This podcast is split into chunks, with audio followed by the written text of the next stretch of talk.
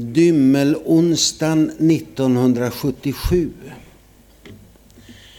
fick jag en Lidnersk knäpp. Jag hade ett och ett halvt dygn på mig att förbereda en gemens Getsemanestund som jag skulle ansvara för i Sankt Johannes kyrka i Midsommarkransen söder om Söder i Stockholm. Och jag satt i vår lilla hyreslägenhet och förberedde mig så gott det gick och kämpade och kämpade. Och plötsligt hände det. Knäppen. Vet ni varför det heter Lidners knäpp? Då ska jag berätta det för er. På 1700-talet så fanns det en man som var som vem som helst, en liten pojk med ingen speciell särbegåvning på något sätt. Han var som vilken liten pojk som helst. Som alla andra, varken bättre eller sämre. Men när han var 11 år då fick han vad han själv beskrev som en knäpp. Och han hette Lidner, Bengt Lidner. Och han fick en knäpp. Och ifrån den här stunden som 11-åring så blev han mer och mer etablerad poet och räknades som århundradets allra största poeter i Sverige. Något liknande upplevde jag alltså den här dymmelonsdagen och natten till skärtorsdagen. Men så mycket längre gick inte min lidnesknäpp, men då var den i alla fall påtaglig. Och på natten till skärtorsdagen 1977 så skrev jag tio sånger. Som jag dessutom kom ihåg och framförde på skärtorsdagskvällen i Sankt Johannes för en stackars åldrande församling som undrade vad de hade fått för egotripp i predikstolen. Jag lyssnade på de här sångerna som finns dokumenterade. Jag tänkte att jag skulle sjunga en av dem i min predikan idag. Men jag skrev så svåra sånger på den tiden så att jag, jag kan inte luska ut vad jag tar för ackord. Och dessutom är det i en tonart som jag inte längre behärskar. Så nu ska jag vara så fräck så vi ska faktiskt lyssna på en inspelning från 1978 utav sången Thomas. Tänk vad mycket sämre man kan bli på 50 år.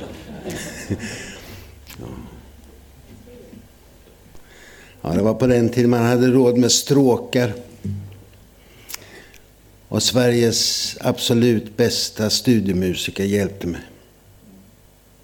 Det är många som tror att Namnet Thomas betyder tvivlare. Jag vet inte hur många gånger jag har fått det här när någon har kommenterat mitt namn. Är du en tvivlare? Thomas, namnet Thomas har ingenting med tvivel att göra. Och tvivlat på det sättet som Thomas gjorde vet jag aldrig heller att jag har gjort.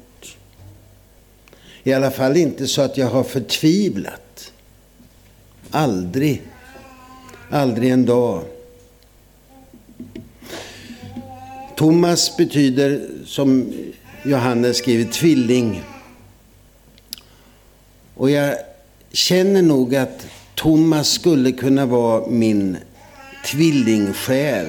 Inte på grund av tvivlet, men på den här besynnerliga förmågan att vara på rätt ställe vid fel tillfälle. Och på fel ställe vid rätt tillfälle. Aj! Nu missade jag igen. Troligen var det bara någon liten bagatell som gjorde att Thomas inte var där. De hängde ju jämt. Men han, i brist på judar så kanske Thomas var ute och handlade lite. Jag vet inte vad han gjorde, men han var inte där. Och han missade alltihop. Kände sig utanför och förbisprungen. Tvivel har nästan alltid sina orsaker och det kan vara världens enklaste skäl. Och ofta så kan de lätt förklaras eller bortförklaras eller redas ut. Men ändå kan tvivlet sätta väldigt djupa spår. Tvivel är inte motsatsen till tro. Det lockas vi ibland att, att tänka, men tvivlet är inte motsatsen till tro. Otron är motsatsen till tro. Tvivel är någonting annat. Det är inte otro som Thomas lider av. Men han kände sig inte inbegripen. Och tvivlet ställde honom utanför sammanhanget. Mitt barnbarn som med åtta år har förgyllt den här veckan i Busarve. Hon älskar att ifrågasätta mig. Det är hennes stora hobby här i livet. Och hennes huvud är fullt av funderingar och frågor som hon av någon outgrundlig anledning tror att jag ska ha svar på. Oj, oj, oj. Och det verkar som om hon innan hon kommer hit och träffar mig har förberett sig i veckor på hur hon ska sätta dit mig. Och hon lyckas oftast. Hon laddar upp med frågor och ifrågaställningar. Och eftersom jag är den jag är så frågar hon mycket om Gud och Jesus. Och hon blir ganska ofta lite besviken över att jag inte upprörs mer av hennes frågeställningar än vad jag gör. Bibeln är en sagobok, säger hon. Och hon tror att jag ska ramla av stolen. Punkt slut. En sagobok. Mm. Okej. Okay. Säger du det så, säger jag. Och hon vill ju ha mothugg. Hon vill ju ha någon att ta spjärn emot. Någon som hon kan sticka fingret i och pilla på såret.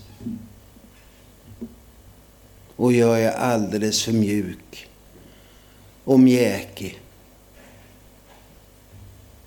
Och absolut inte absolut i min gudstro. Okej, okay. säger du så, så är det säkert så. I alla fall för dig. Och för varje gång jag undviker att gå i clinch med henne så ökar jag bara på hennes huvudbry. Och då kan hon säga, morfis, fattar du hur mycket IQ som finns här inne i mig?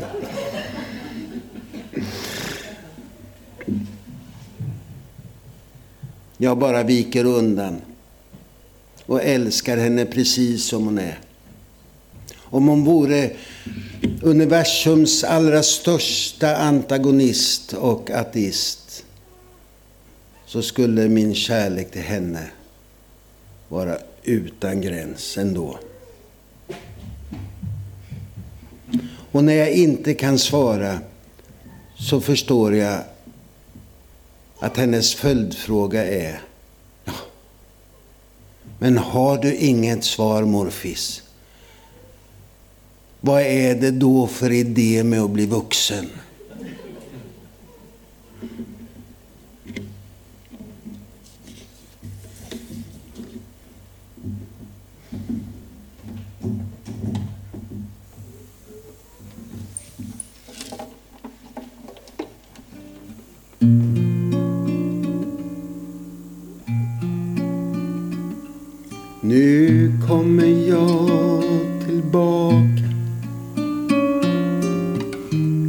Kommer jag igen.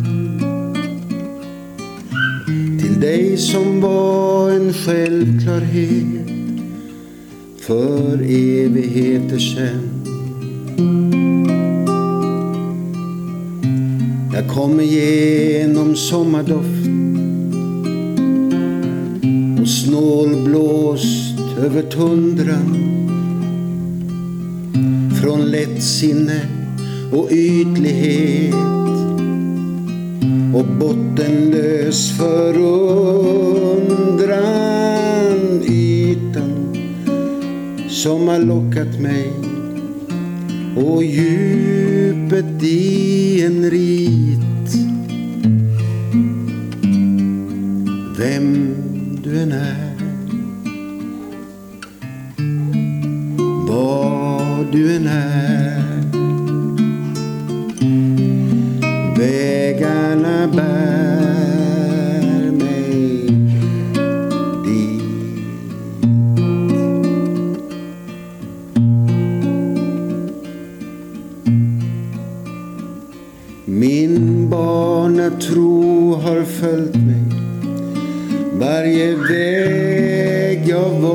Att gå.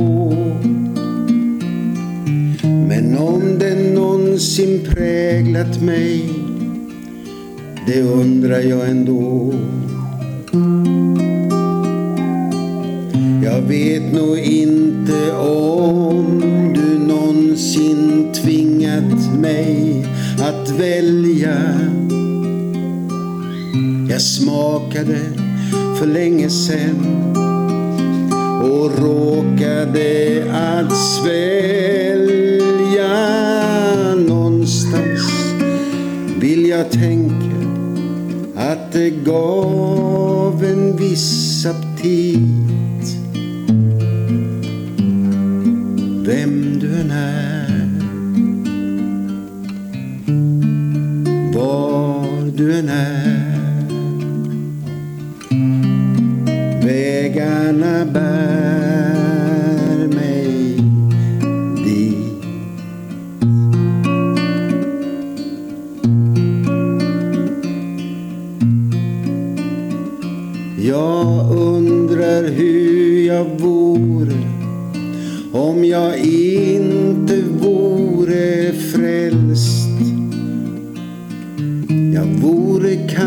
kanske som jag är i vilket fall som helst.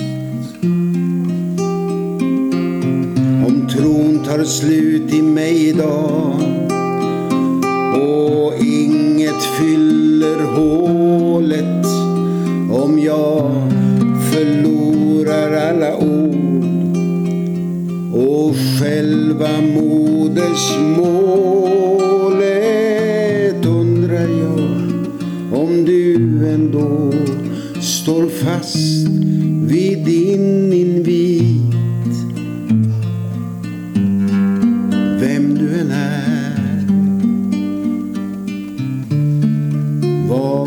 du än är. Vägarna bär mig dit.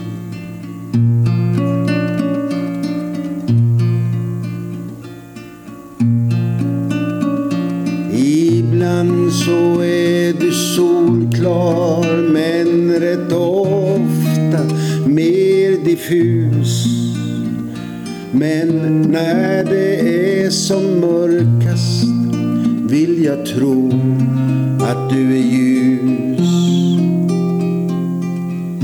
Du har aldrig pressat mig till något vad jag kan minnas. Jag vet inte om du finns men vill att du ska finnas, finnas i det mjuka eller hårdaste granit. Vem du än är, var du än är, vägarna bär mig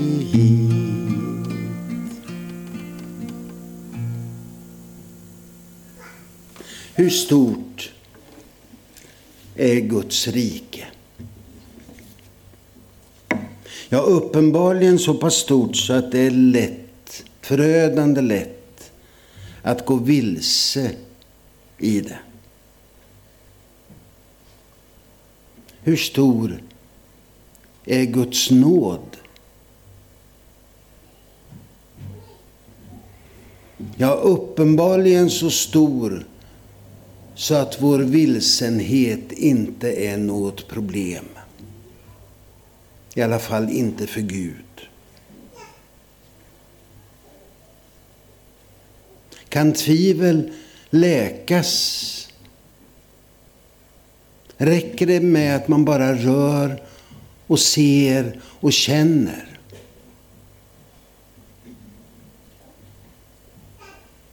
Vad läker ett tvivel? Jag tror att läkedomen finns här och hos er i Guds gemenskap. Gemenskapen är tvivlets botemedel. Att dela upplevelser, tro, tveksamheter, funderingar, tankar. Det kanske inte gör oss överens per automatik. Men att spegla sig i någon och någons gör oss rikare och helare. Att dela sin sårbarhet med någon. Och ändå känna att jag möts av nåd. Det är det stora miraklet. Och Jesus delade sin sårbarhet med Thomas. Och Thomas delade sin sårbarhet med Jesus. Det är precis det som händer. Delaktigheten i tro och tvivel. Här är mitt sår. Räck mig din hand. Här är min sårbarhet. Räck mig din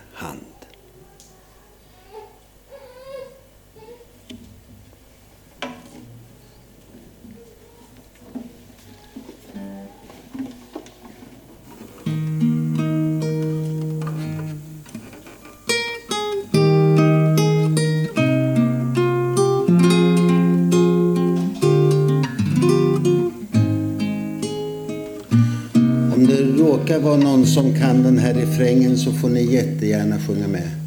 Du har aldrig begärt av mig att jag ska skriva kärlekssånger.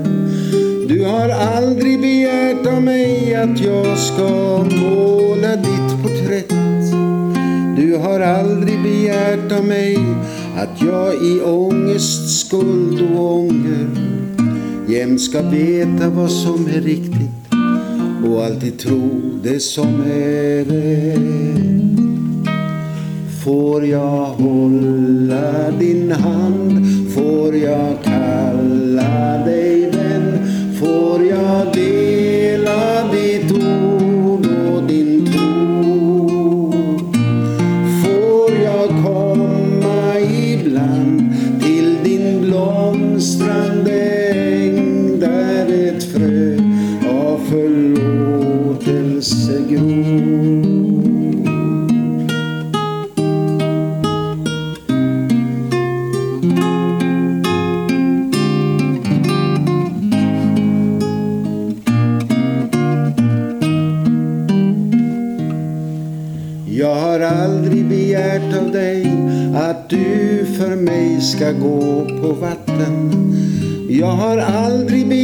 av dig att du ska göra det till vin. Jag har aldrig begärt av dig att du ska tända sol om natten. Nej, det enda jag har bett om är att få tro att jag är din. Får jag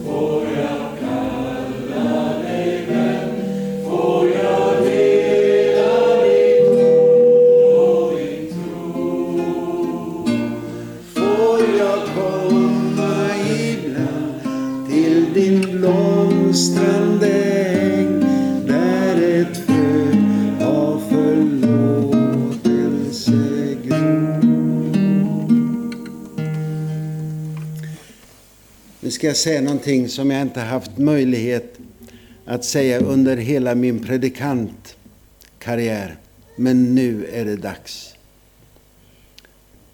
Så nu får du vara med. Och folket sade, jag kan säga folke sade. Och folke sade.